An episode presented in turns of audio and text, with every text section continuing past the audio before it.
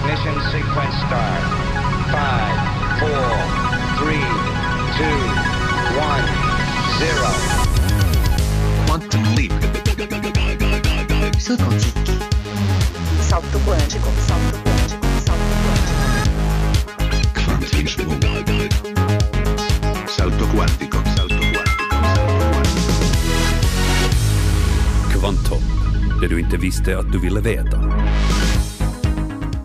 Morgens på er gott folk, Markus Rosenlund här. Och oj oj vet ni vad vi har mycket godis åt er idag. Eh, om vi börjar från slutet, vi ska tala om ensamhet ur en vetenskaplig synvinkel. Inte frivillig ensamhet utan den där sorten som man drabbas av. Anki Westergård har talat med en som kan de här sakerna.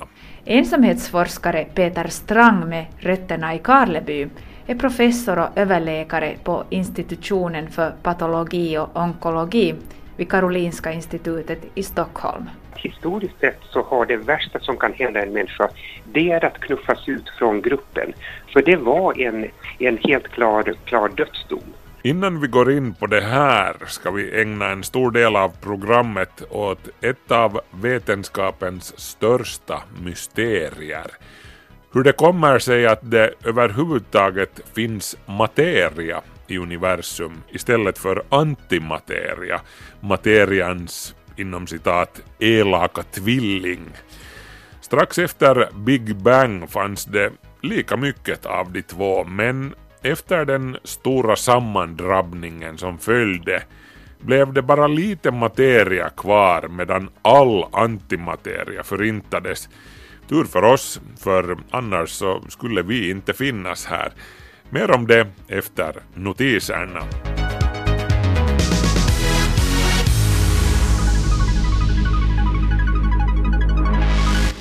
Kvanthopp, snabela yle.fi.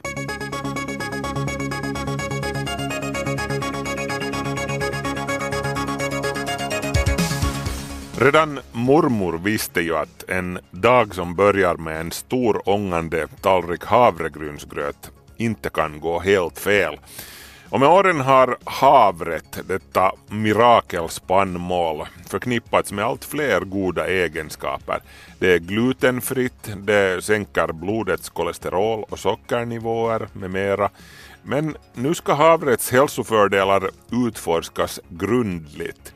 Det är Åbo samt Helsingfors universitet och eh, forskningscentralen VTT som inleder ett forskningsprojekt där havrets hälsopåverkan och egenskaper ska redas ut grundligt. Det är speciellt havrets inverkan på matsmältningskanalens välmående som intresserar forskarna och havrefibrernas prebiotiska inverkan, alltså sättet som de fungerar som en grogrund för nyttiga mikrober.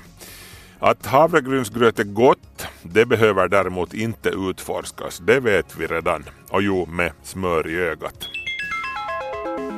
Alla vet att i framtiden skjuter stridsplanen inte kulor och missiler på varandra. De skjuter med laserkanoner. Piu, piu! Och nu verkar det här bli verklighet faktiskt. Den amerikanska vapenkoncernen Lockheed Martin utvecklar en laserkanon för flygplansbruk som ska göra det möjligt för piloten att skjuta ner till exempel fientliga missiler med laser.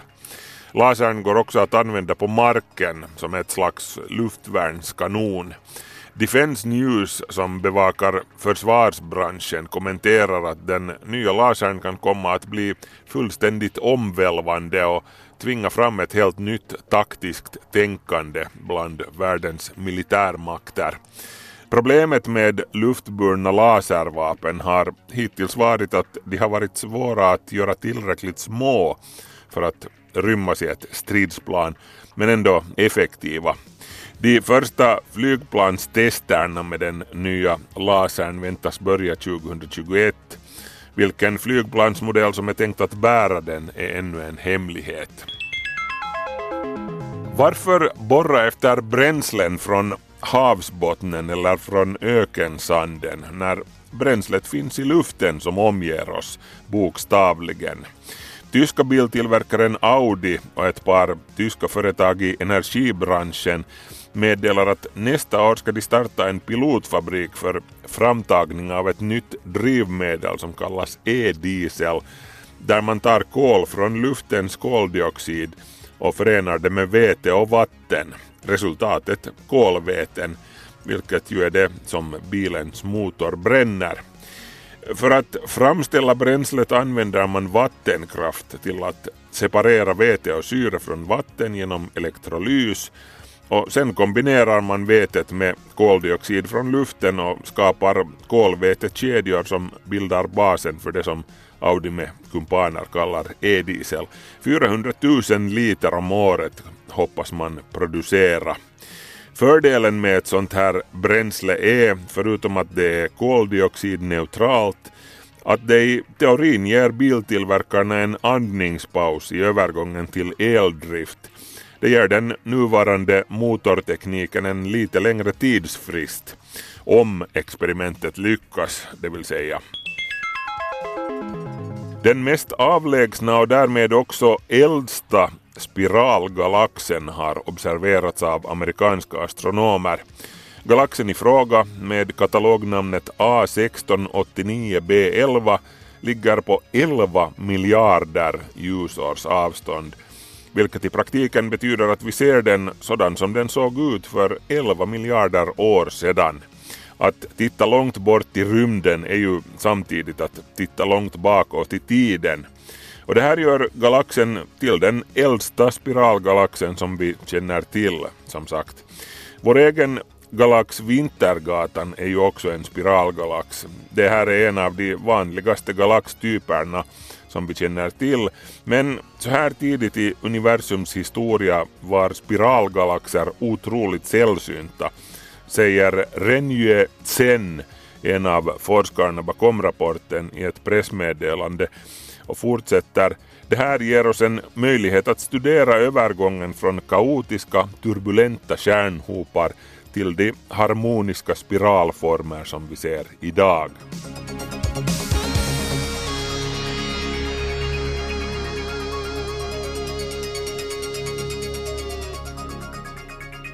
Varför finns vi här idag när det mycket väl kunde ha gått så att det inte blev till någonting alls? Ingen jord, inga kärnor, inga vi.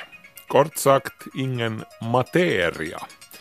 Vid universums begynnelse, strax efter Big Bang, fanns det lika mycket materia och antimateria i det unga universum men materia och antimateria de trivs inte alls tillsammans. De förintar varandra så fort de får chansen. Det var klart att bara ena sidan kunde bli kvar när striden var över. Urslaget vid universums begynnelse kallar jag det. Jag tycker bara att det låter mer spännande än spontant symmetribrott som vetenskapen talar om. Men det här mysteriet att varför finns vi här när det kunde ha gått väldigt annorlunda, det ska vi gå närmare in på i det här specialprogrammet. Det har nämligen på sistone gjorts ett framsteg som kan ha fört oss lite närmare ett svar på mysteriet. Vi inleder med lite Mike Oldfield. Omadon är det här.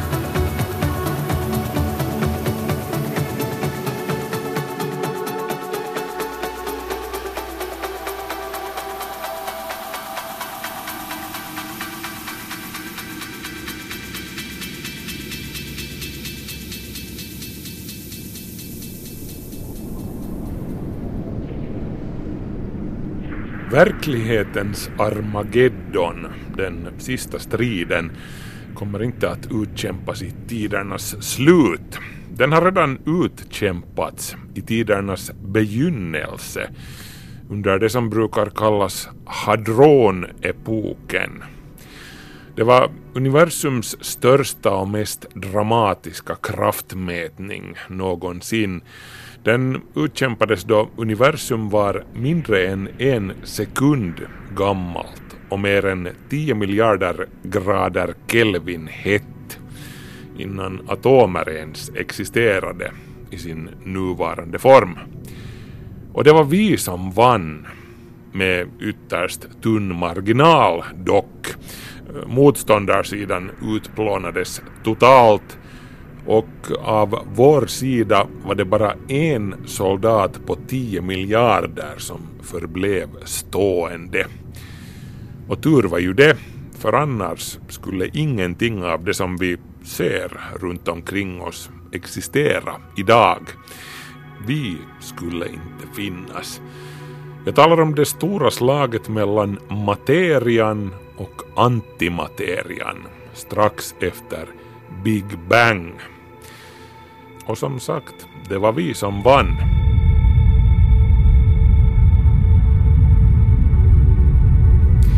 Men är vi the good guys eller är vi the bad guys? Var det den goda eller den onda sidan som vann? Eh, det tar vetenskapen självklart inte ställning till. Den diskussionen får filosoferna och religionerna ta hand om. Vetenskapen är intresserad främst av mysteriet bakom det faktum att vi vann, att det uppstod någonting istället för ingenting. Apropå det, det faktum att det finns någonting i universum istället för ingenting, det bevisar ju att Gud existerar, så sa det en bekant åt mig. Eftersom vetenskapen inte kan förklara varför vi och resten av det fysiska universum existerar så är den enda rimliga förklaringen att en skapare skapade dem, ansåg alltså min bekant. Nå, nu är det ett vetenskapligt faktum att någonting faktiskt kan komma från ingenting, bokstavligen. Eh, den som vill veta mera kan till exempel läsa Lawrence Krauss bok A Universe from Nothing, ett universum från ingenting. Men det är inte det som det här programmet handlar om. Det handlar om det faktum att det finns någonting istället för anti-någonting. Det handlar också om kombatanterna i det stora urslaget, de två mäktiga arméerna av urmateria. Och det handlar om en särskild sorts små inom citat soldater i det här kriget, om vi ska tala i de termerna. Neutrinerna, vars roll i urslaget på sistone har setts över och befunnits vara större än man hittills har trott, kanske rent av avgörande. Eh, nämnde jag förresten redan att slaget var över innan det knappt ens hade hunnit börja? Motståndarsidan förintades och därmed var hadronepoken över mindre än en sekund efter att den hade börjat.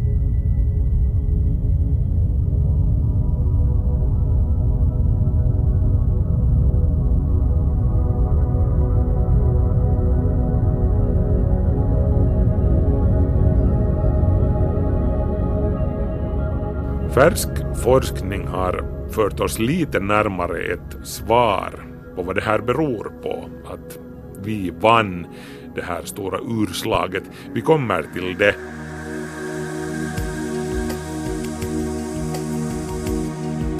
Men först en tankepaus i form av en låt till med Mike Oldfield från skivan The Songs of Distant Earth. Låten heter Let There Be Light.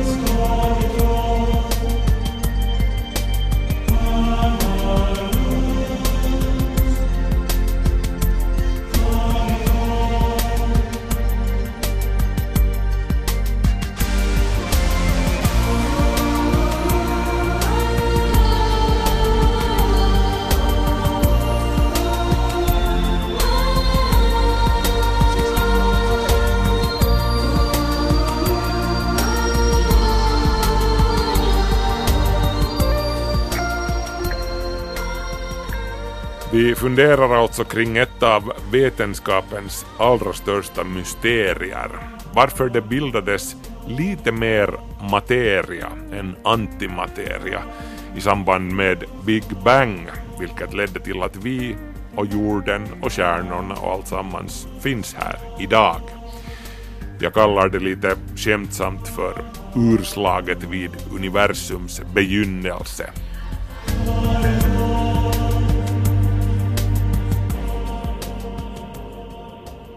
Vi vet i princip inte vad det beror på att vår sida vann, att materian trumfade över antimaterian.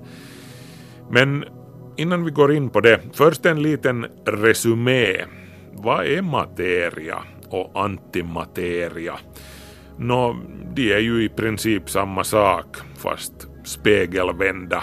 En antiatom har samma massa som en vanlig atom, men Istället för en negativt laddad elektron i skalet har den en positivt laddad positron i skalet. Enligt samma logik är protonen, den där saken som finns i atomens kärna, negativt laddad. En antiproton med andra ord. Det kunde till exempel i teorin existerar en människa som består helt och hållet av antimateria. Din antimateria-tvilling skulle känna sig, se ut och väga precis samma som du. Problemen skulle bli uppenbara senast då ni möts och skakar hand med varandra. Då skulle ni bägge två omedelbart gå upp i rök och gammastrålning och en krater stor som, tja, Belgien ungefär. En dylik explosion är den renaste och mest totala och direkta omvandlingen från massa till energi som finns. Mängden energi som frigörs är i princip i spikrak proportion till den involverade massan allt enligt E är lika med mc i kvadrat. Det är kort sagt varje generals eller galen diktators drömdomedagsvapen, antimateriabomben.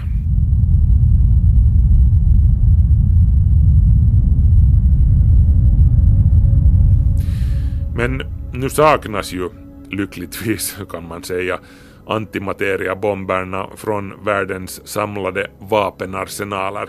Det här beror inte på att de är för farliga för att någon ska tillåtas handskas med dem, vilket de nog i och för sig är, men det är inte det det beror på. Eh, generalerna skulle nog garanterat ha beställt flera lastbilslaster av dem om de fanns i katalogerna. Det som dämpar generalernas iver är antimaterians tillgänglighet. För att skapa en antimateriabomb med en sprängkraft motsvarande en, säg nu en 10 megatons vetebomb så skulle det behövas 250 gram antimateria. Det här är nu ungefär en dryg kaka med Fazers blå av antimateria. Men Vadå säger ni nu kanske, 250 gram det är ju ingenting. Det är det visst när vi talar om antimateria. Om man ägnade hela jordens nuvarande energiproduktion åt att producera antimateria. Eh, det är fullt möjligt att producera antimateria. Eh, till exempel i CERNs partikelaccelerator LHC då skulle det ta två och en halv miljarder år att skrapa ihop 250 gram antimateria. Och så länge orkar generalerna inte vänta. Eh, men det är klart också mindre taktiska antimateria, granater, kunde bidra till att glädja generalerna på Pentagon och i Kreml. Säg nu ett milligram, det spränger redan mycket bra. Eh, det skulle bara ta hundratusen år att få ihop ett milligram alltså. Och också då skulle man få vara attans försiktig med att inte låta vapenantimaterian komma i kontakt med någon vanlig materia, inklusive luft, för ni vet, då skulle det bli Kaboom! Men just med tanke på att också små mängder antimateria plus materia bildar en gigantisk smäll föreställer det totala Ragnarök som måste ha rått i tidernas början under det nämnda urslaget strax efter Big Bang när halva universum rök ihop med halva antiuniversum. En tio miljarddels sekund efter Big Bang hände det här, närmare bestämt.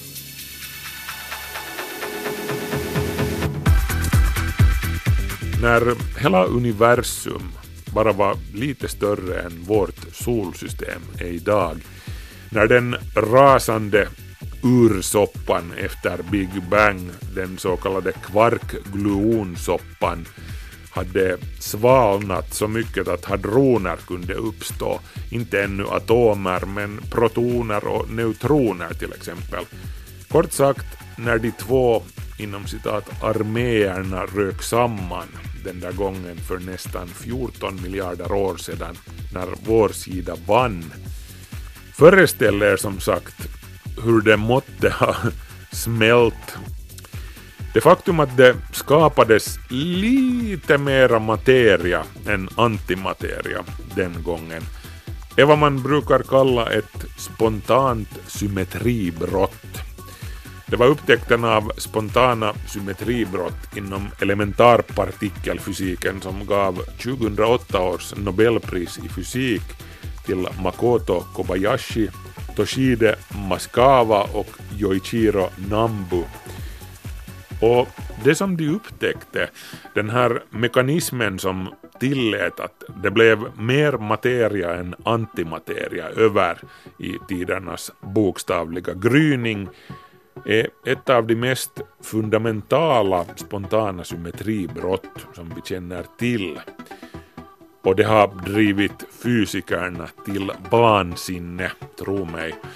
Det har orsakat forskarna så mycket huvudbry att det var en av orsakerna till att man byggde världens största och dyraste maskin, den 7,5 miljarder euro dyra och 27 kilometer stora partikelkrossaren LHC.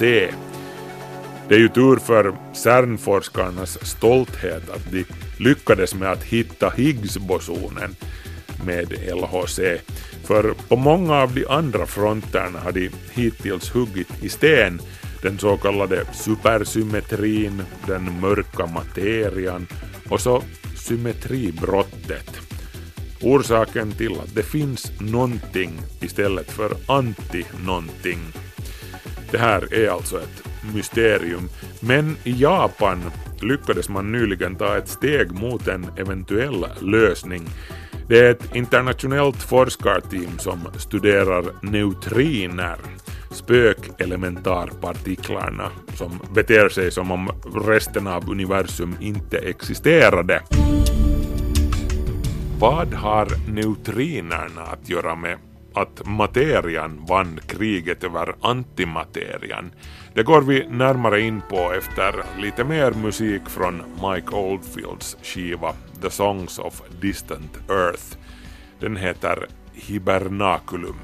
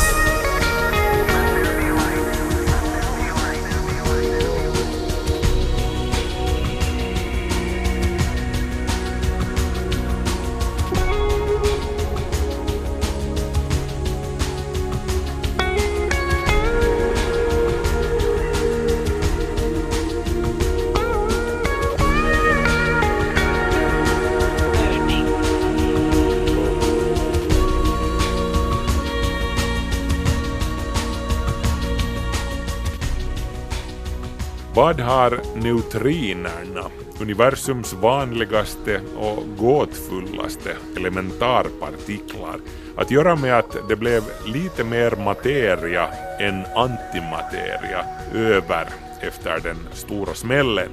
Det här funderar vi på i Kvanthopp idag. Det flyger 50 biljoner av dem, neutrinerna alltså, genom dig varenda en sekund. De kommer från solen och går raka vägen genom oss och genom hela jorden, lika lätt som en ljusstråle passerar genom tomma luften. Neutrinerna är de elementarpartiklar som fysiken vet minst om, trots att de är de allmännaste elementarpartiklarna i hela universum. De uppträder i tre olika skepnader, eller som fysikerna säger smaker. Elektron, myon och tau-neutrinerna. Och de kan skifta från en skepnad till en annan, eller oscillera eh, bokstavligen i flykten. Neutriner uppträder inte bara i form av tre olika smaker. De har också, precis som protoner och elektroner, sina spegelvända versioner, antineutriner. Precis som det finns antiprotoner och positroner så finns det alltså antineutriner. Och då kommer vi till kruxet med den här senaste aha-upplevelsen beträffande neutriner. Det tidigare nämnda internationella forskarteamet insåg då de pepprade superkamiokande-detektorn i Japan med neutrinskurar från ett avstånd på 295 kilometer att det var lite fler neutriner än antineutriner som träffade målet. Det här är viktigt. Det finns med andra ord en liten men avgörande skillnad i hur neutriner och antineutriner beter sig.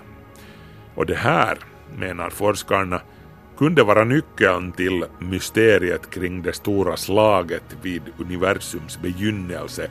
Kan det vara så att slaget om universum vanns tack vare ett nästan försumbart övertag som de allra minsta och lättaste inom citat soldaterna på materians, på vår sida alltså, hade över sina motsvarigheter på antimaterians sida.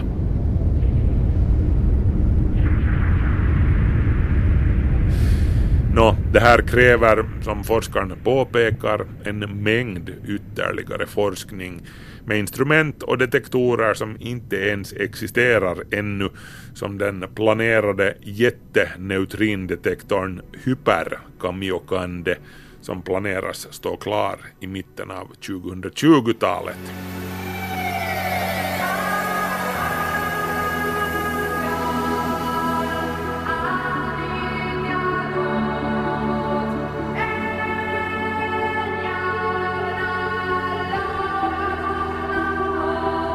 Men det ökar ju redan nu på fascinationen och mystiken kring lillneutronen, vilket ordet neutrino bokstavligen betyder på italienska. Det är ett skämtsamt diminutiv av neutrone. Neutrinerna saknar elektrisk laddning och länge trodde man att de saknar massa också. Det var kring millennieskiftet som man upptäckte att neutriner oscillerar, vilket ledde till slutsatsen att de har massa, vilket i sin tur ledde till att 2015 års Nobelpris i fysik tilldelades den japanska fysikern Takaki Kajita och hans kanadensiska kollega Arthur B. MacDonald. Den här upptäckten att neutriner byter skepnad löste också ett gammalt mysterium beträffande solen. Solen producerar alltså neutriner i samband med fusionsreaktionerna i sitt hjärta och ända sedan 1960-talet hade man noterat att solen verkar producera på tok för få neutriner i förhållande till sin ljusstyrka. Vissa drog till och med slutsatsen att det är något slags fel på själva solen. solneutrinoproblemet kallades det här. Eftersom neutrinerna uppstår i samband med fusionsreaktionerna i solens hjärta så trodde man att solen hade inom citat hjärtbesvär. Science fiction-litteraturens grand old man Arthur C. Clarke skrev till och med en hel bok baserad på den här premissen att solen håller på att dö om mänskligheten måste evakueras till ett nytt hem bland stjärnorna. Sånger från vår fjärran jord heter den här boken. En utmärkt bok, jag rekommenderar alla att läsa den.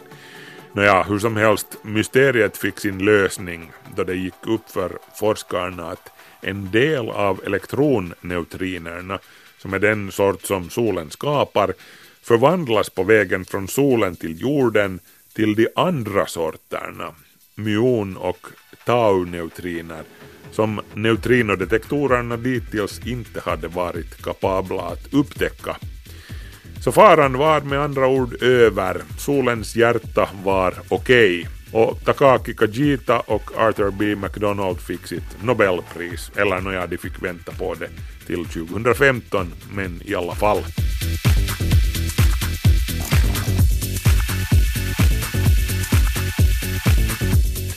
Poängen är hur som helst den att neutrinerna kanske är nyckeln till att materian trumfade över antimaterian i universums gryning.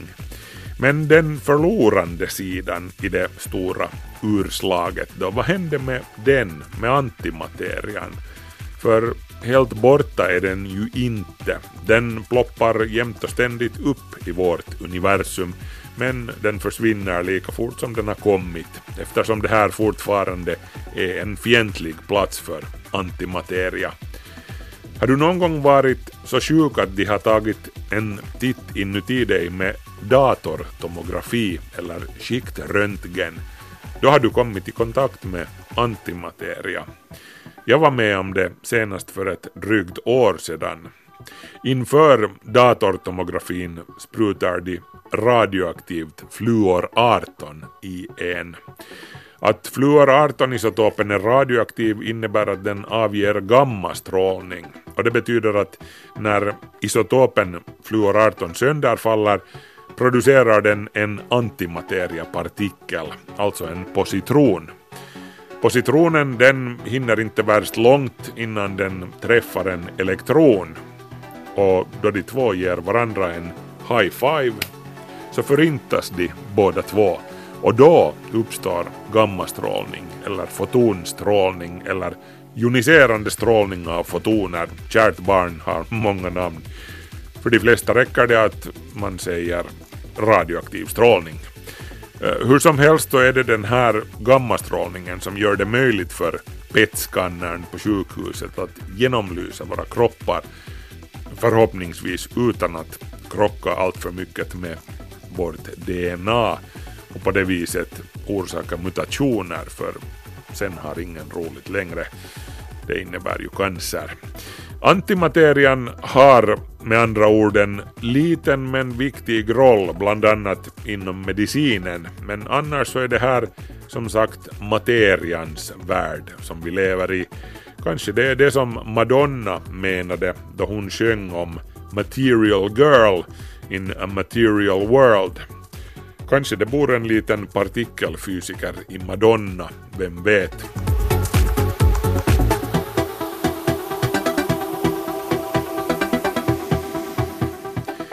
Antimaterian bor hur som helst inte i vår värld, i vårt universum nu längre, inte i några stora mängder. Eh, vissa har föreslagit hypoteser om att det kunde finnas avlägsna avkrokar av universum med hela galaxer gjorda av antimateria. Men det här stöds nog inte av någonting som vi kan observera. Och det som vi började hela det här inslaget med, orsaken till att vi vann kriget, den förblir tills vidare oklar. Vi behöver ännu större partikelacceleratorer som fungerar på ännu högre energinivåer som kan ta sig ännu närmare universums allra tidigaste skeden. Det här är just så som man simulerar universums allra tidigaste skeden med partikelkrossare och det är därför som forskarna vill ha större och större sådana för att komma närmare och närmare Big Bang. Stunden då allting började, så nära som man överhuvudtaget kan komma. Tills vi vet mera så kan vi ju bara vara glada att urslaget slutade till vår fördel. Jag menar, Madonnas låt hade låtit fånig om den hade kallats Antimaterial Girl.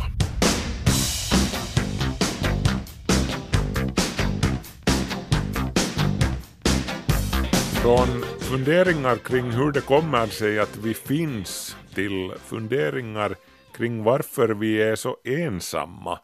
Inte i universum men här på jorden, vi människor. Och vad det betyder för oss att vara ensamma.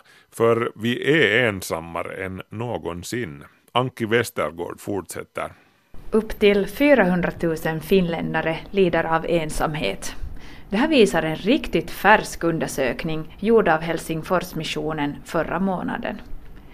Vi ska här genast göra skillnad mellan ensamhet och avskildhet. Avskildhet är självvalt och någonting positivt. Ensamhet är någonting man kan uppleva då man är helt ensam, men också fast man är i grupp. Ensamhetsforskare Peter Strang med rötterna i Karleby är professor och överläkare på institutionen för patologi och onkologi vid Karolinska institutet i Stockholm. Han har skrivit böcker om hur ensamhet påverkar oss och jag frågade honom vad han avser med ensamhet. Ensamhet för mig, det är nog det här negativa när det är ofrivilligt. Oavsett om man pratar om, om fysisk ensamhet eller existentiell ensamhet. Strang har jobbat med cancersjuka i över 30 år. Han har då märkt hur viktigt gemenskap blev för den som är allvarligt sjuk. Strang berättar också att inom sjukvården så har man sett att de som är sjuka och bor ihop med någon, de klarar sig ofta bra, medan de som är ensamma uppger att de har mera ont, alltså att de känner en större fysisk smärta än de som bor tillsammans med någon. De ensamma larmar oftare och om man sen pratar med dem en liten stund så uppger de att de inte längre har lika ont. Ensamheten påverkar oss alltså i en mycket större utsträckning än vad vi tidigare har trott. Det är inte liksom enbart ett lidande på ett psykologiskt plan utan det är ju också att man ofta då har mera symptom och man har, man har en upplevelse att man har mera smärta och så. Så att ensamheten är ju ganska viktig ur sjukvårdssammanhang. På vilket sätt har ni kunnat påvisa att man har mera smärta om man är ensam? Det här är ju någonting vi har känt på oss väldigt länge och när man jobbar inom hemsjukvård med, med svårt sjuka där kan man känna att, att, eh, att de som bor ihop med någon som har en, en, en liksom väldigt god gemenskap de tycks eh, klara sig skapligt bra. Och de som är väldigt ensamma där har man en känsla av att de har mer ont.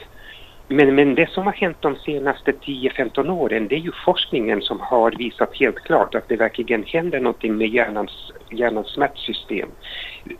Och, och där har man på ett mätbart sätt med hjälp av magnetröntgen visat att när man är, är alltså ensam då blir hjärnans smärtsystem väldigt aktiva. Och när man har gemenskap så dämpas det. Så att gemenskap dämpar smärtan.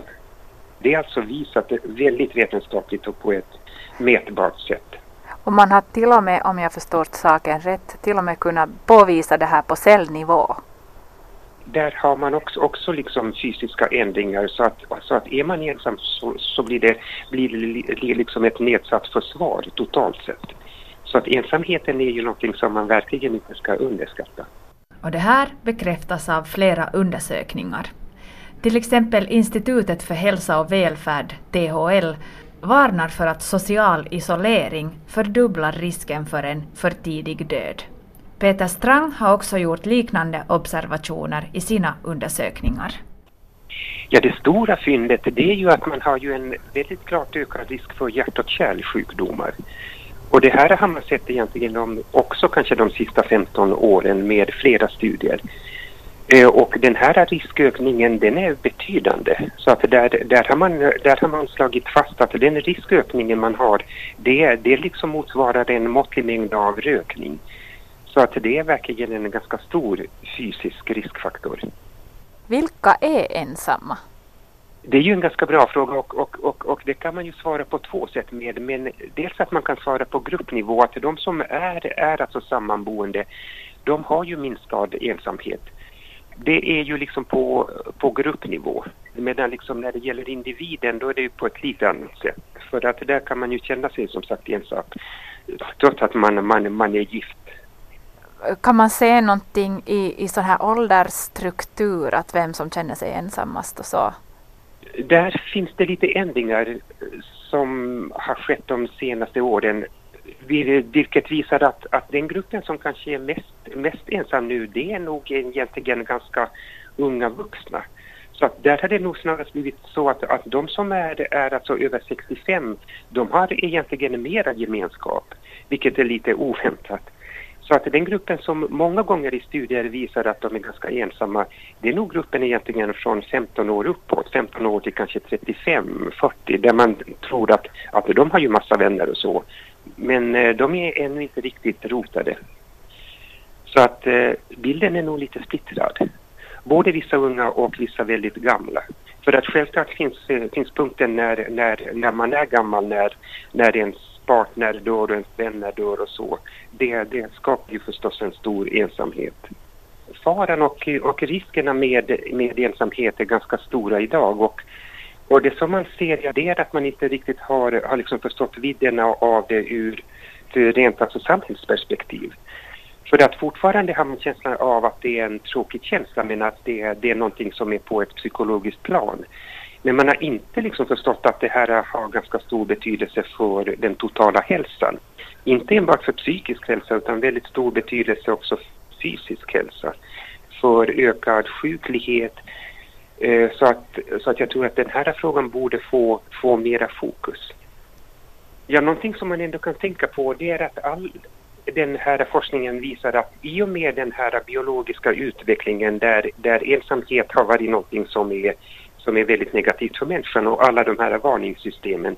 Det innebär att historiskt sett så har det värsta som kan hända en människa det är att knuffas ut från gruppen. För det var en, en helt klar, klar dödsdom. Och den här känslan har vi fortfarande kvar trots att, att vi lever i ett nytt, nytt samhälle. Eh, och det innebär att eh, blir man liksom utknuffad, om man känner att man är utesluten ur gruppen så väcker det, det en väldigt stark vrede. Och eh, det är någonting jag tänker på när man, när man har de, de här nya förorterna där man känner att de är utanför. De har liksom inte haft en chans att komma in, de har inte fått riktigt bra start, de har inte fått riktigt bra boende, de har inte fått jobb och så. De känner att de är utanför. Och då vet vi alltså rent alltså utvecklingsbiologiskt att sån utanförskap, när man verkligen känner att man är utanför gruppen, den kommer att, att väcka väldigt starka känslor, den kommer att väcka väldigt mycket ilska, väldigt mycket vrede. Och då är det liksom inte så oväntat att det blir upplopp. Så att jag tror att här finns ju också någonting som man verkligen ska ta på ganska stort allvar. Att det här är ett väldigt stort problem som inte enbart gäller individen. Det gäller hela samhället. Så att det är verkligen en ganska stor fysisk riskfaktor. Och, och den faktorn har egentligen en biologisk förklaring som är ganska spännande. Och det är egentligen att om man tänker på våra förfäder långt, långt bakåt i tiden. Då var det ju så att alla människans hot var ju fysiska. Man var ju hotad av rovdjur, av lejon, och man var hotad av fiender. Och människan var ju ganska långsam och människan var ganska svag. Så människan hade ju inte någon chans mot, mot rovdjur. Men när människan lärde sig gemenskap blev det skillnad. För att en människa har ju svårt att klara lejon men, men tio människor med stenar och, och käppar, de, de, de klarar av rovdjur. Så att människans framgång, det var liksom när människan lärde sig gemenskap. Det innebar att när man var i gruppen var man väldigt skyddad. Men att när man gick från gruppen, då var man i en rent, rent fysisk livsfara. Och när man är i, eh, i en fysisk fara, då skapar hjärnan en slags varningssystem. Vilket innebar att det som hjärnan har gjort, det är att när man går bort från gruppen, då, då blir det först att man, man känner lite stress för att man är en bit, bit från gruppen, man är en bit från byn. Småningom blir den här stressen lite större så att man börjar känna på sig att någonstans här finns ju fiender och faror. Och småningom blir den här, den här känslan oro och nästan ångest. Och den stressen och den oron och den ångesten, den har liksom historiskt sett drivit oss tillbaka till byn så att vi har blivit skyddade. Men det som är nytt idag, det är ju att vi har inte längre de här fysiska farorna, men att vi har gener som är jätte, jättegamla. Så att fortfarande har vi en liknande reaktion, att vid ofrivillig ensamhet blir det en frisättning av stresshormoner. Och det betyder att även om det är en ganska låg intensiv stress så har man en kronisk stress när man är ofrivilligt ensam. Vilket gör att det här blir en belastning för hjärta och kärl. Vilket ökar risken på sikt för hjärtsjukdomar och för stroke och sånt.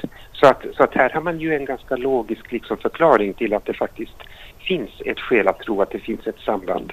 Det var Anki Westergård som hade talat med ensamhetsforskaren Peter Strang från Karolinska institutet i Stockholm. Och det var Kvanthopp för den här veckan hörni. Markus Rosenlund heter jag. Vi hörs. Ha det bra. Hej så länge.